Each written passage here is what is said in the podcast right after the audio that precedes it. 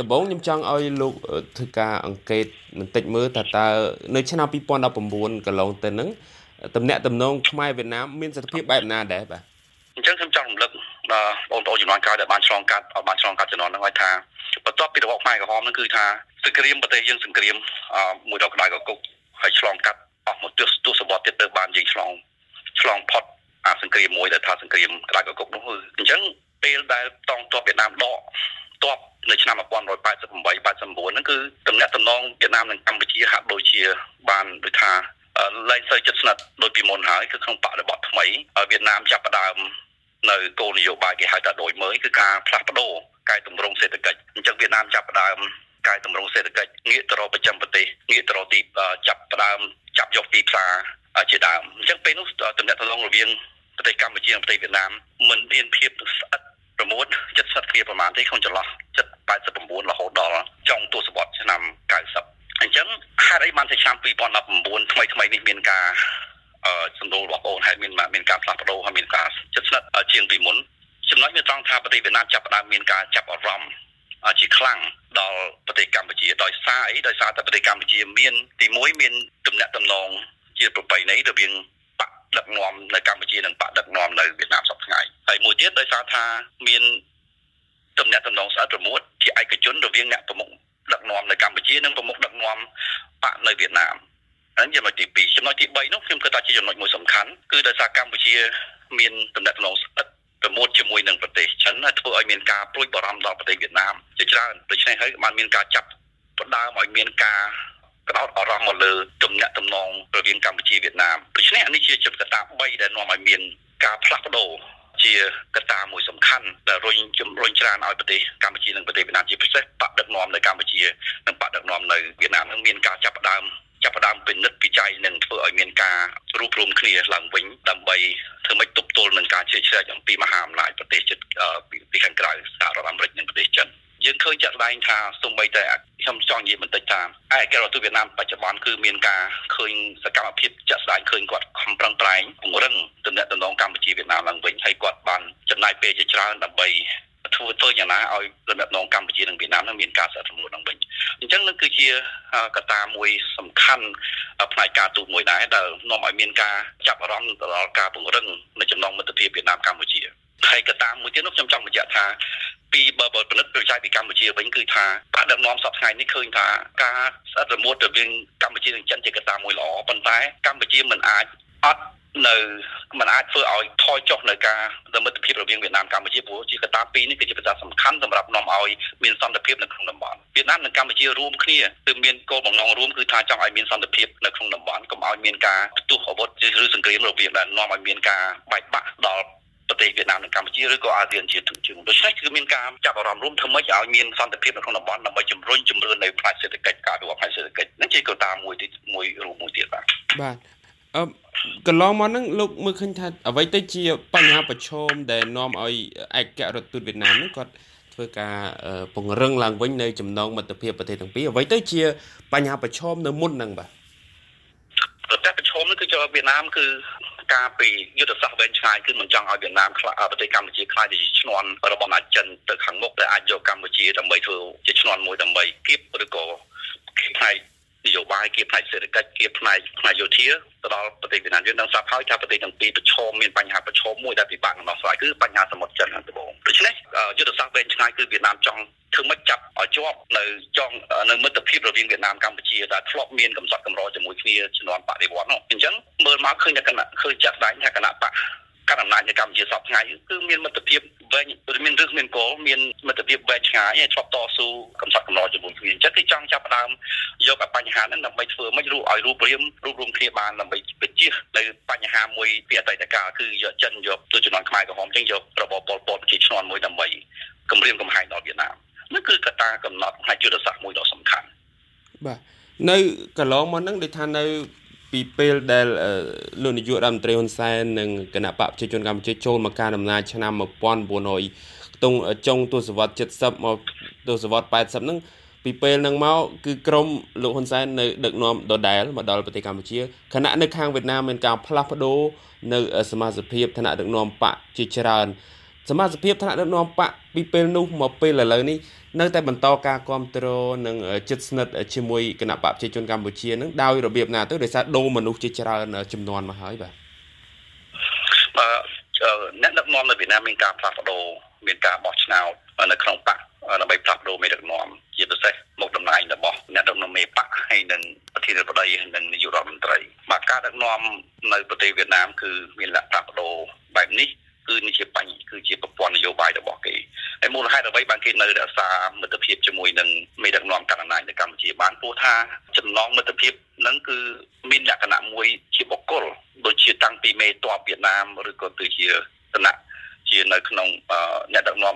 ភាគច្រើនគឺសិតតែមានទំនាក់ទំនងជាមួយនឹងប្រទេសកម្ពុជាក្នុងទសវត្សរ៍80មក ហើយម្យ៉ាងទៀតផ្លាស់ប្ដូរមេដឹកនាំមែនប៉ុន្តែគឺគោលនយោបាយរបស់បកនៅវៀតណាមនោះគឺមានការមានស្ថិរភាពហើយមានការប្រែប្រួលតិចតួចទៅតាក់ទងទៅនឹងប្រទេសកម្ពុជាចំពោះបញ្ហាថារដ្ឋថាចំណងមិត្តភាពរវាងវៀតណាមកម្ពុជាគឺនៅរក្សាបានល្អគឺនៅផ្ដោតបានល្អដោយសារតែបកទាំងពីរផ្ដោតទៅលើចំណងមិត្តភាពហ្នឹងហើយមានលក្ខណៈមួយដែលមានបកនឹងបកបន្តឲ្យមានការជួបគ្នាជាញឹកញយជារៀងរាល់ឆ្នាំឧទាហរណ៍មាន ពិធីរំលឹកនៅថ្ងៃដែលវៀតណាមបានចូលមកប្រទេសកម្ពុជា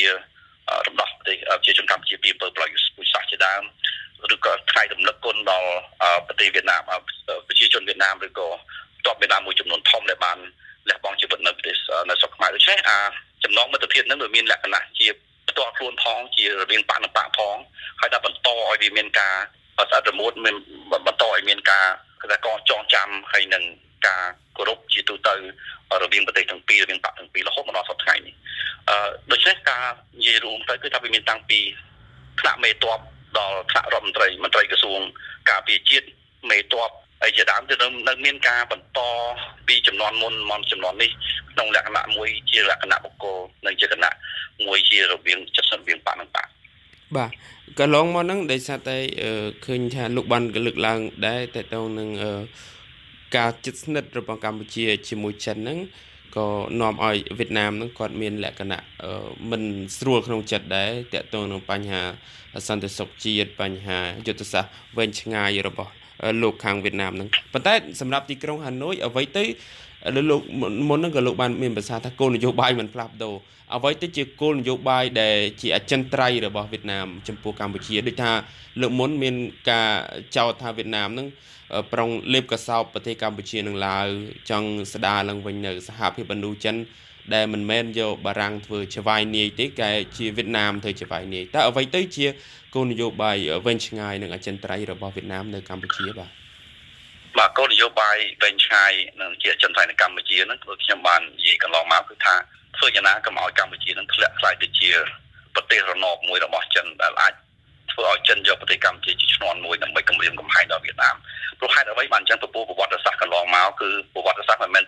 ត្រឹមតែឆ្នាំ ថាវៀតណាមតែងតែបារម្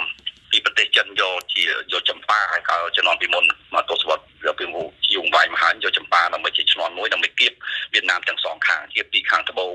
ផងវាគៀបពីខាងកើតផងតែបើនិយាយទីតាំងភូមិសាស្ត្របាទអញ្ចឹងជំនាន់មកដល់ជំនាន់ខ្មែរក្រហមនេះគឺជាថ្មីថ្មីហ្នឹងគឺបង្ហាញថាបើសិនជាកម្ពុជាខ្លាយទៅជាប្រទេសរណបរបស់ចិនហើយចិនអាចយកគំគំនាបអឺអតិពលរបស់ខ្លួនដើម្បីយកកម្ពុជាខ្លាចជាឈ្នន់ដើម្បីគៀបគំរាមកំហែងផ្នែកនយោបាយផ្នែកយុទ្ធសាស្ត្រផ្នែកភូមិសាស្ត្រអីជាដើមអញ្ចឹងវៀ តណាមបារម្ភណាស់គឺបញ្ហាហ្នឹងគឺជាជាជាយុទ្ធសាស្ត្រយូរវែងដែលតាមខ្ញុំយល់ឃើញហើយមួយទៀតវៀតណាមកម្ពុជាវៀតណាមយល់ថាប្រទេសកម្ពុជាតែងតែជាប្រទេសមួយជាមួយនឹងឡាវដែរគឺជាប្រទេសជិតខាងមានប្រវត្តិយូរវែងនៅក្នុងការធ្វើក្នុងការធ្វើបដិវត្តប្រឈមមុខតស៊ូដើម្បីសន្តិភាពឯករាជ្យភាពពីមហាអំណាចបារាំងជាដើមក្រោយមកអាមេរិកហើយបច្ចុប្បន្ននេះហើយនឹងទៅមុខគឺបារម្ភគឺបញ្ហាការជឿជ្រៅរបស់ចិននៅក្នុងតំបន់អ ញ្ចឹងនេះគឺជាជាជាយុទ្ធសាស្ត្រវែងឆ្ងាយរបស់វៀតណាមទៅពុំមកលើកម្ពុជាបើនិយាយខ្លីទៅបើសិនជាវៀតណាមបើសិនកម្ពុជាមិនងាកទៅរកចិនមិនចិត្តមួយចិនប្រហែលជាវៀតណាមពុំបានធ្វើការចាប់អារម្មណ៍ដល់កម្ពុជាក្នុងកម្រិតនេះឡើយទេ ជាបន្តបន្ទាប់ដែលចង់ភ្ជាប់ទៅសំណួរមុនវិញដោយសារតែនៅវៀតណាមនៅតែមានបន្តការផ្លាស់ប្ដូរមេដឹកនាំជាពិសេសនៅឆ្នាំ2021នេះសមាជបកកុម្មុយនីវៀតណាមនឹងនឹងនាំមកនៅមេដឹកនាំថ្មីដូចជាចន្ទុល4ដែលគេបានលើកឡើងដូចមានលេខាបកមានប្រធានាធិបតីមានប្រធានរដ្ឋសភានិងនាយករដ្ឋមន្ត្រី លោកគាត់ថានៅឆ្នាំ2021នេះនៅពេលដែលវៀតណាមដូរមេដឹកនាំគោលនយោបាយវៀតណាមសួរមនុស្សទៀតអាចនឹងប្រែប្រួលទេបាទចំពោះកម្ពុជាបាទខ្ញុំគិតបាទខ្ញុំគិតថាប្រែប្រួលតិចចំពោះកម្ពុជាខ្ញុំគិតថាចំណងមិត្តចំណងតំណែងតំណងកម្ពុជាវៀតណាមនឹងស្អិតរមួតជាងមុនដោយសារថាការផ្លាស់ប្ដូរនៅវៀតណាមខ្ញុំគឺថាមេបករបស់ខ្ញុំការទូទីរបស់ខ្ញុំគឺថាមេបកនឹងនៅបន្តធ្វើយ៉ាងណាឲ្យ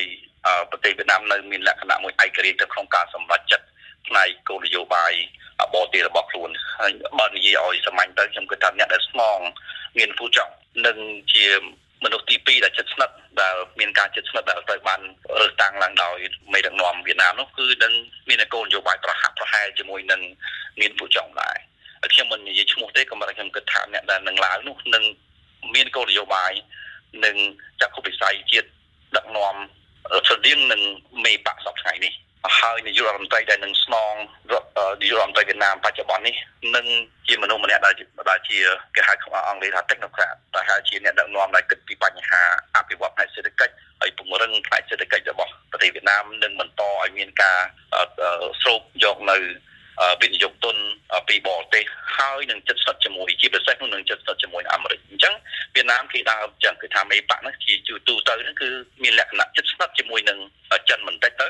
ងាកទៅចិនបន្តិចនាយករដ្ឋមន្ត្រីប្រហែលជានឹងត្រូវបានជឿតាំងមកអ្នកណាម្នាក់ដែលដែលចិត្តស្និទ្ធជាមួយនឹងអាមេរិកចឹងវាចិនវៀតណាមគេដើរទាំងពីរចឹងចំពោះគោលនយោបាយមហាអំណាចគឺគឺធ្វើយ៉ាងណាដើម្បីឲ្យវាមានតុល្យភាពហើយធ្វើឲ្យវៀតណាមនឹងអាចងាករេជៀសនៅអធិពលមហាអំណាចណាមួយដែលធ្វើឲ្យវៀតណាមនឹងបាត់បង់នៅឯករាជ្យភាព ចំពោះកម្ពុជាខ្ញុំគិតថានៅនឹងបន្តជិតស្និទ្ធជានឹងពោះគោលនយោបាយវៀតណាមគឺដូចខ្ញុំបាននិយាយពីដើមហ្នឹងគឺធ្វើយ៉ាងណាដើម្បីពង្រឹងនៅចំណងមិត្តភាពរវាងបកដឹកនាំនៅកម្ពុជាដែលដឹកនាំដោយសម្ដេចហ៊ុនសែននឹងមេបកជាដើមជាជាជាផ្សេងផ្សេងទៀតនៅវៀតណាម ហើយដោយសារដូចបញ្ហាខ្ញុំពីមុននិយាយពីមុនអញ្ចឹងគឺថាវៀតណាមមិនចង់ឲ្យកម្ពុជាខ្លាចទៅជាប្រទេសរណបរណបធ្វើឲ្យចិនអាចយកប្រទេសកម្ពុជាដើម្បីគម្រាមកំហែងដល់វៀតណាមនៅថ្ងៃមុខហើយខ្ញុំជឿថាវៀតណាមនឹងផ្ដោតអារម្មណ៍ទៅលើកម្ពុជាទំនាក់ទំនងរវាងប្រជាជនទាំងពីរតាមរយៈឯកការទូតវៀតណាមជាដើមតាមរយៈការបរទេសវៀតណាមនិងរដ្ឋាភិបាលវៀតណាមជាដើមនឹងបង្រឹងផ្នែកសេដ្ឋកិច្ចរវាងប្រទេសទាំង ជាជាច្រើនហើយនឹងបន្តកើនឡើងតទៅទៀតដូច្នេះគឺគឺជាដោយសារតែវៀតណាមនឹងខ្លាយទៅជាមេជាជាប្រធានរបស់អាស៊ានផងនោះខ្ញុំគិតថាកម្ពុជានិងវៀតណាមចំណងកម្ពុជាវៀតណាមនឹងរលូននិងល្អជាងមុនបាទអរគុណច្រើនលោកផាកុសលជាអ្នកវិទ្យាសាស្ត្រនយោបាយនៅសាកលវិទ្យាល័យក្រុងញូវយ៉កសហរដ្ឋអាមេរិកបាទបានផ្ដល់កិច្ចសភាបាទអរគុណច្រើនបាទ